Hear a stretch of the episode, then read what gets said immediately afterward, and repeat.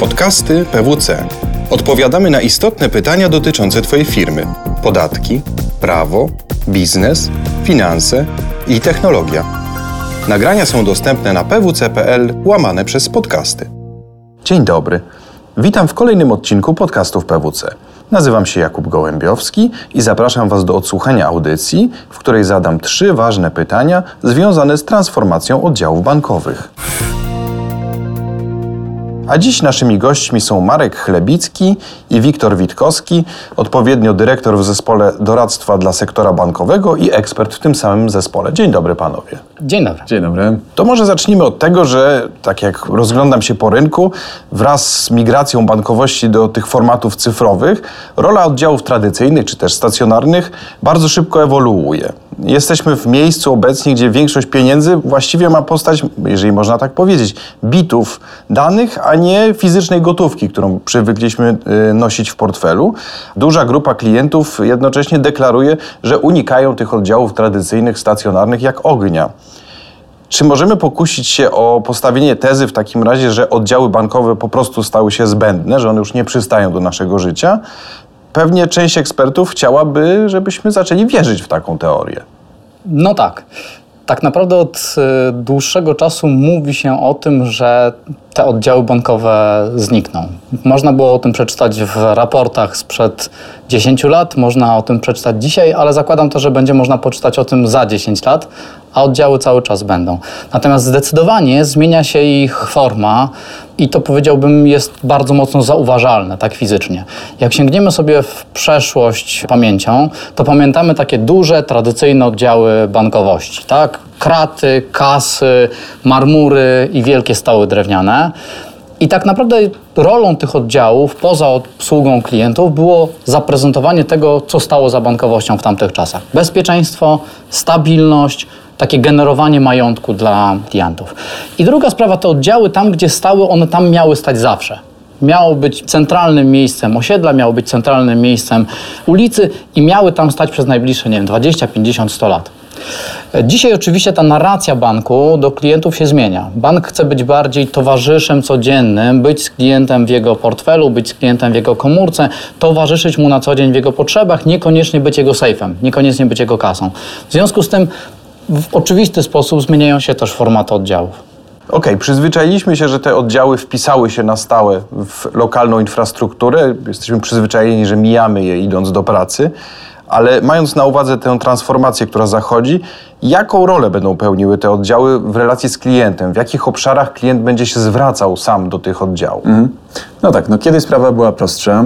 Prawdopodobnie jak mijałeś ten oddział w drodze do pracy czy w drodze z pracy, to była duża szansa, że zajrzysz tam, muszę wpłacić gotówkę, albo zadać jakieś pytanie o produkt, który Cię interesuje. Obecnie korzystamy z oddziałów w dużo bardziej codzienny sposób, w dużo bardziej kontekstowych sytuacjach, na przykład w centrach handlowych. Różne sytuacje, w których się znajdujemy, determinują również różne formaty oddziałów i w jaki sposób bankowcy myślą o ich projektowaniu i w jaki sposób wkomponowują je w codzienność. I to jest tak naprawdę klucz, żeby też zrozumieć, czemu liczba oddziałów nie maleje specjalnie szybko, bo tak naprawdę mówimy wbrew tym negatywnym prognozom, które też przytoczyłeś w występie, tak naprawdę realnie jak spojrzymy na liczbę, to oddziałów ubywa raptem o 2% rocznie. Dużo większa dynamika tak naprawdę jest po stronie ich konsolidacji, przenoszenia, czy właśnie zmiany formatu, żeby lepiej pasowywały się w codzienność klientów. Czyli możemy mówić bardziej o optymalizacji niż likwidacji, bo te 2% to naprawdę niewiele. Tak, pełna zgoda, bo mówimy o tym, że liczba oddziałów właściwie spada w niewielkim stopniu, ale jak zobaczymy sobie, jakie formaty, jakie lokalizacje oddziałów są pod tą liczbą się kryją, to tak naprawdę to jest zupełnie co innego niż było rok temu, dwa lata temu. Ta dynamika jest bardzo istotna. I tak jak powiedzieliśmy, procesy przenoszą się coraz częściej do online'u. Oddziały obsługują dużo mniej gotówki. Tak naprawdę, tak jak Wiktor powiedział, one są coraz bardziej kontekstowe, ale prawda jest też taka, że zwiększa się, czy poszerza się półka produktowa banków, poszerza się zakres tematów, które klienci chcą poruszyć e, z bankiem. W związku z tym można powiedzieć, że jest coraz więcej różnych oczekiwań klientów. I coraz trudniej jest w związku z tym dopasować czy trafić z formatem do tych oczekiwań. Bo teraz jeden klient przyjdzie dlatego, że chce doradztwa, inny tylko po bardzo szybką interakcję, zanim dokończy swój proces zakupowy online. Jeszcze inny klient, który ma większe środki w banku, będzie chciał się poczuć ważny. Chce przyjść do oddziału, dlatego, żeby dostać kawę, żeby zostać zaproszony do oddzielnego pokoju, żeby no, poczuć, że jest istotnym klientem dla tego banku. Mikroprzedsiębiorcy czy mali przedsiębiorcy wpadają po to, żeby załatwić wszystko za jednym razem. Dlatego, że tutaj musieliby jedno zrobić online, drugie przez telefon, trzecie ze swoim doradcą, łatwiej przyjść do oddziału. Jeszcze ktoś inny przyjdzie, dlatego że tylko tutaj może złożyć reklamację, nie w sposób automatyczny nagrania się na nagrywarkę, ale że w empatyczny sposób ktoś tą reklamację od niego przyjmie. I teraz tych potrzeb jest bardzo dużo i trudno jeden format, który by te wszystkie potrzeby zaspokoił. Oczywiście, jeżeli to jest taki bardzo duży oddział, on będzie w stanie to zrobić, ale nie każdy oddział będzie w stanie te potrzeby zaspokoić. I tak naprawdę tutaj to, co pojawia się jako wyzwanie, to mając tą stałą liczbę oddziałów, gdzie być, i w którym z tych miejsc mieć jaki format. Czyli co klienci będą chcieli w danym miejscu załatwić, jaki typ klientów będzie chciał do danego miejsca przyjść. I to, co jest też super ważne, to że tak jak powiedział Wiktor, coraz częściej ta relacja z oddziałem jest kontekstowa oddział i jego format muszą się dopasować do kontekstu tego, co robi klient w najbliższej okolicy. Dajmy na to ten supermarket. Klient w supermarkecie najczęściej się śpieszy. Chce szybko zrobić zakupy, wrócić do domu. On przy okazji może otworzyć konto czy załatwić jakąś sprawę bankową pod jednym warunkiem. To będzie bardzo szybko. To będzie bardzo wygodnie. On nie chce stać w kolejce, nie chce siadać na 15 minut. Tak naprawdę to potrzebuje bardzo szybko zrobić. Ale z innej strony, powiedzmy jakiś event taki życiowy, klientowi rodzi się dziecko, to ten klient chętnie pójdzie do oddziału i nawet pół godziny czy godzinę poświęci na rozmowie o tym, w jaki sposób najlepiej zabezpieczyć bezpieczeństwo dziecka. Czy to jest kwestia tego oddziału? Nie, to jest kwestia ważnego momentu, ważnej decyzji. Ten klient też to będzie dla siebie także celebrował. I tu oddział jest w innym kontekście potrzebny. No a na koniec najbardziej prozaicznie, transakcyjnie. Sprzedajemy coś, kupujący przekazuje nam w zamian za to, co sprzedaliśmy na serwisie aukcyjnym gotówkę. Teraz gdzie tą gotówkę możemy wpłacić? Pierwsze co patrzymy to, gdzie jest najbliższy oddział naszego banku i do niego jedziemy, nawet jeżeli nie byliśmy w nim wcześniej 3 lata.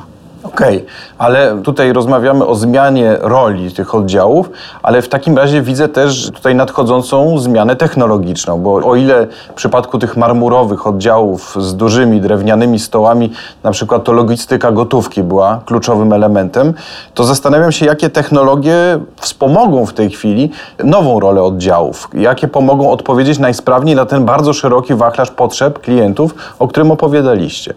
Tak naprawdę to, co widzimy, to coraz bardziej integrujący się frontend, coraz bardziej integrujący się ten punkt styku banku z klientem. Niezależnie, czy to jest internet banking, czy to jest aplikacja mobilna, czy to jest właśnie oddział, w którym najczęściej klient na ekranie swojego doradcy zobaczy dokładnie to samo, co zobaczyłby w swojej bankowości internetowej.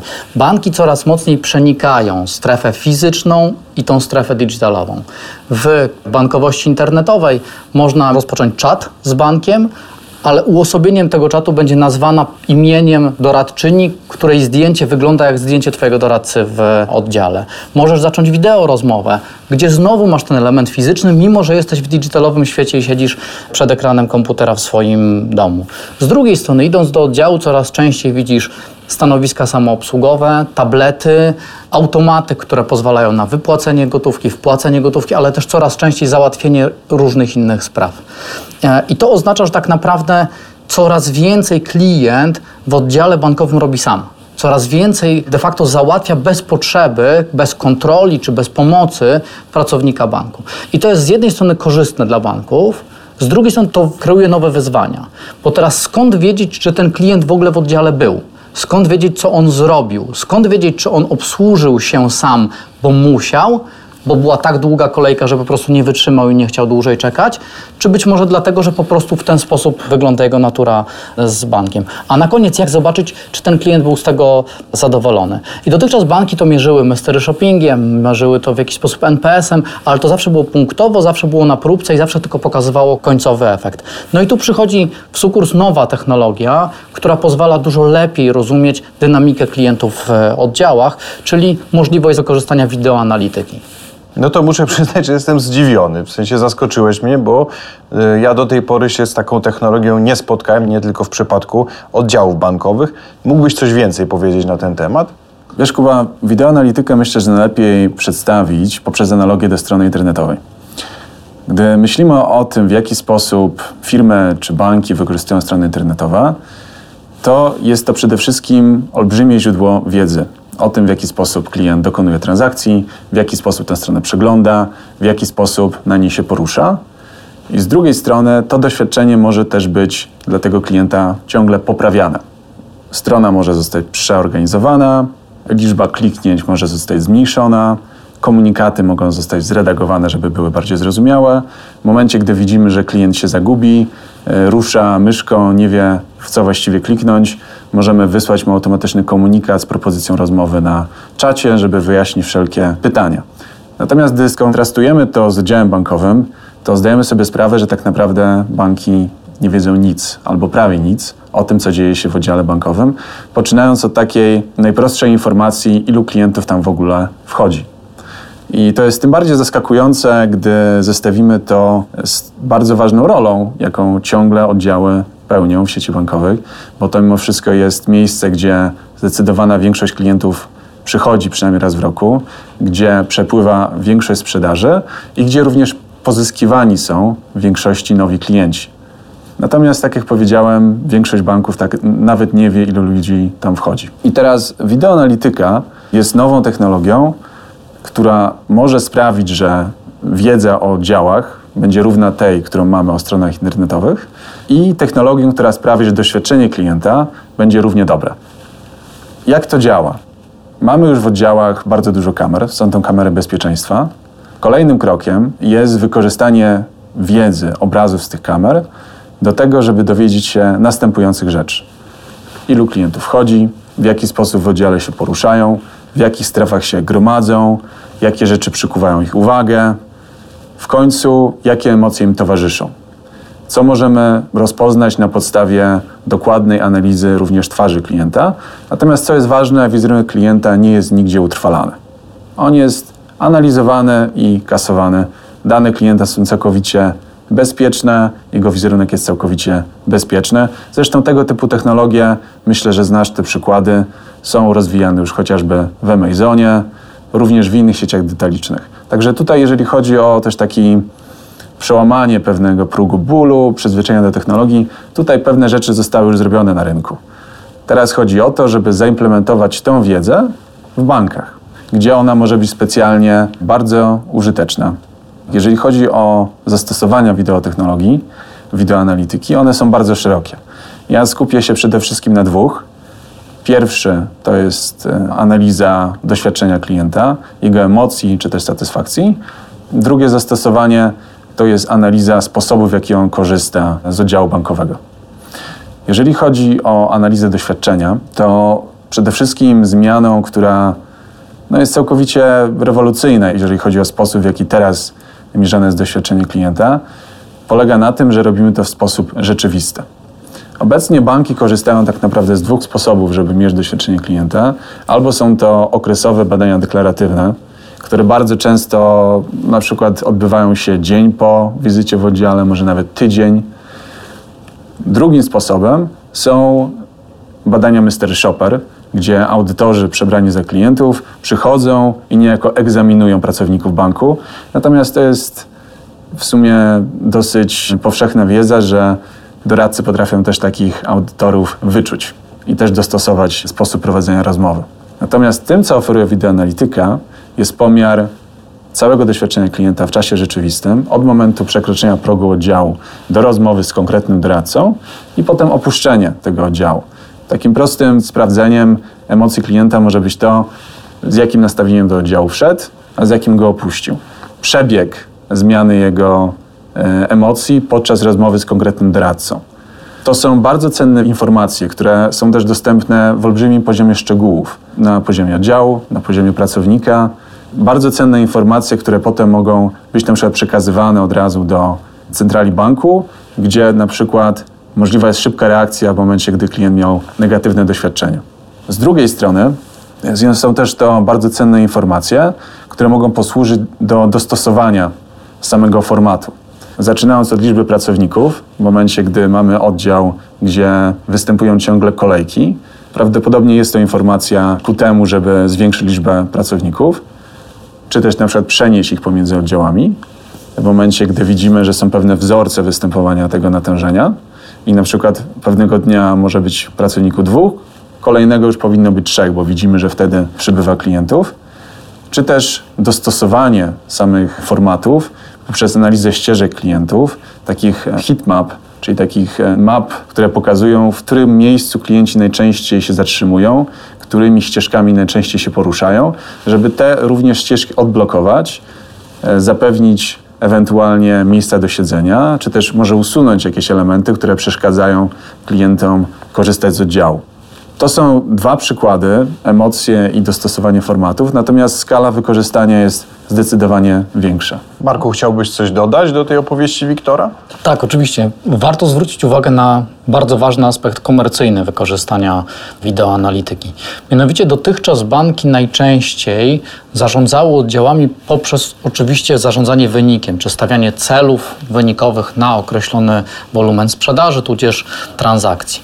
Definiowały, czy starały się definiować potencjał każdej lokalizacji i oczywiście jak najlepiej ten potencjał lokalizacji zrealizować. Natomiast niewiele wiedziały, czy wiedzą na temat tego, jakie są wewnętrzne przeszkody, które stoją właśnie na drodze do tego, żeby cele zrealizować.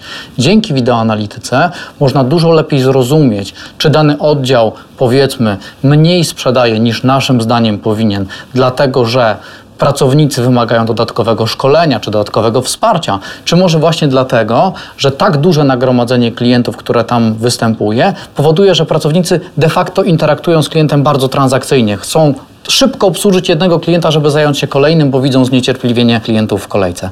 Także ta dodatkowa wiedza pozwala jeszcze lepiej kształtować format oddziału, jego wyposażenie, to, ilu pracowników e, w nim pracuje i jakie kompetencje tak naprawdę chcemy u tych pracowników rozwijać. I to jest szalenie ważne, bo jeżeli wrócimy do tego, że oddziałów jest cały czas bardzo dużo i mają bardzo ważną rolę. Jeżeli przypomnimy sobie, że każda taka zmiana formatu to też są ogromne inwestycje, to tak naprawdę warto te inwestycje robić mądrze. Czyli tutaj tak naprawdę ten dodatkowy zasób wiedzy nie tylko pozwala nam lepiej realizować cele, ale tak naprawdę lepiej i dużo mądrzej inwestować w naszą własną sieć, ku na koniec uciesze i zadowoleniu naszych klientów. Bo to jest cel każdego banku i faktycznie technologia, o której nam dzisiaj opowiedzieliście, na pewno pomoże go osiągnąć, bo to, co dla mnie jest najważniejsze, to możliwość analizowania tego, co dzieje się w oddziałach w czasie rzeczywistym wobec tych ankiet, o których mówił Wiktor.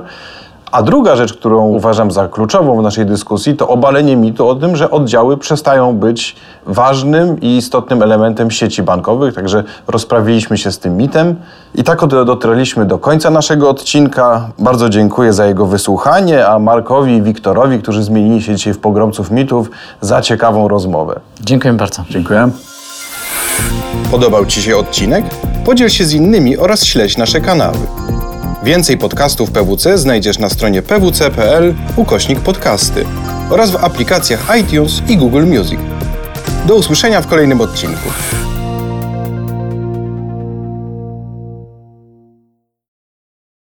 Book your New Jersey summer getaway now. Go for sunshine vibes and beach and boardwalk fun. Discover parks, forests, and family attractions, distinctive dining, and inspiring art history, and culture. Stay in an urban oasis, an oceanside inn, or other unique accommodations. Boost your mood in New Jersey's feel great destinations. Create your escape at visitnj.org slash book now.